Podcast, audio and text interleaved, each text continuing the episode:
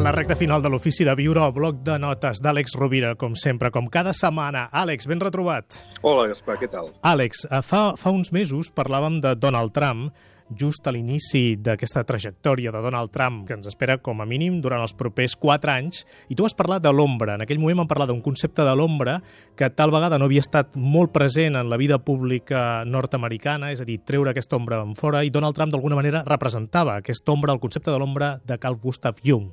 I avui un altre tret de Donald Trump en el teu bloc de notes, Àlex, que és el narcisisme. Ens vols recomanar un llibre? Sí, jo recomanaria un llibre molt interessant perquè més enllà d'opinar o de jutjar, el que és important és informar-se i formar-se per ajudar a perfilar el criteri. Hi ha un llibre magnífic eh, que es diu el, tal qual El narcisisme. Um, L'autor és Alexander Lowen i el va publicar editorial Paidós l'any 2000. Jo crec que és un llibre que el podem trobar encara. Eh, torno a dir, el títol és tal qual El narcisisme.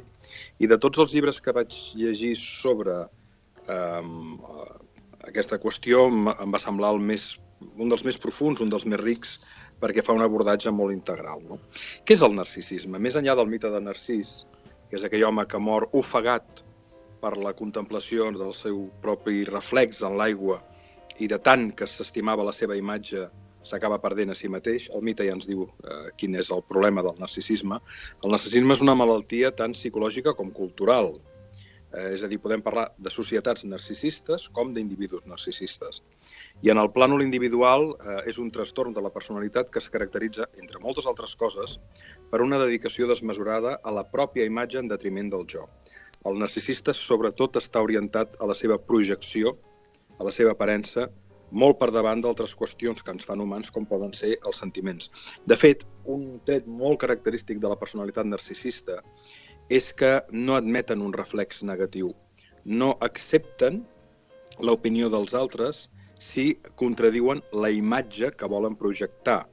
Uh, actuen moltes vegades fredament, tendeixen a ser grans seductors i grans manipuladors i sobretot tenen molta avidesa per aconseguir el poder i el control. És a dir, el perfil narcisista és clarament egotista, centrat en els seus propis interessos i els valors del jo estan absents.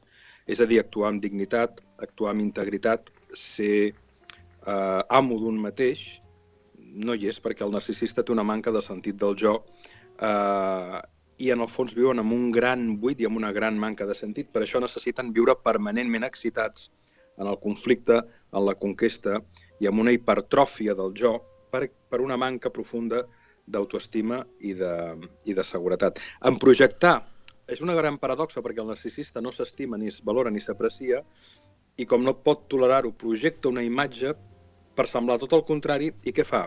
Com deia Gandhi, si un polític és indecent és un clar representant d'aquells que l'han votat. Doncs bé, si un polític és narcisista és un clar representant d'aquells que l'han votat. Aquella gent que se sent insegura troba en l'aparent seguretat del narcisista, podríem dir, el pare perfecte, la potència perfecta, i llavors el voten. Eh, normalment, el narcisisme té un mal final individual i cultural. Com diu el mite, el narcís acaba ofegat. Uh, quan la riquesa material està per sobre de la humana, quan la notorietat desperta més admiració que la dignitat i l'èxit és més important que el respecte a un mateix, aleshores la cultura que sobrevalora la imatge acaba ofegada.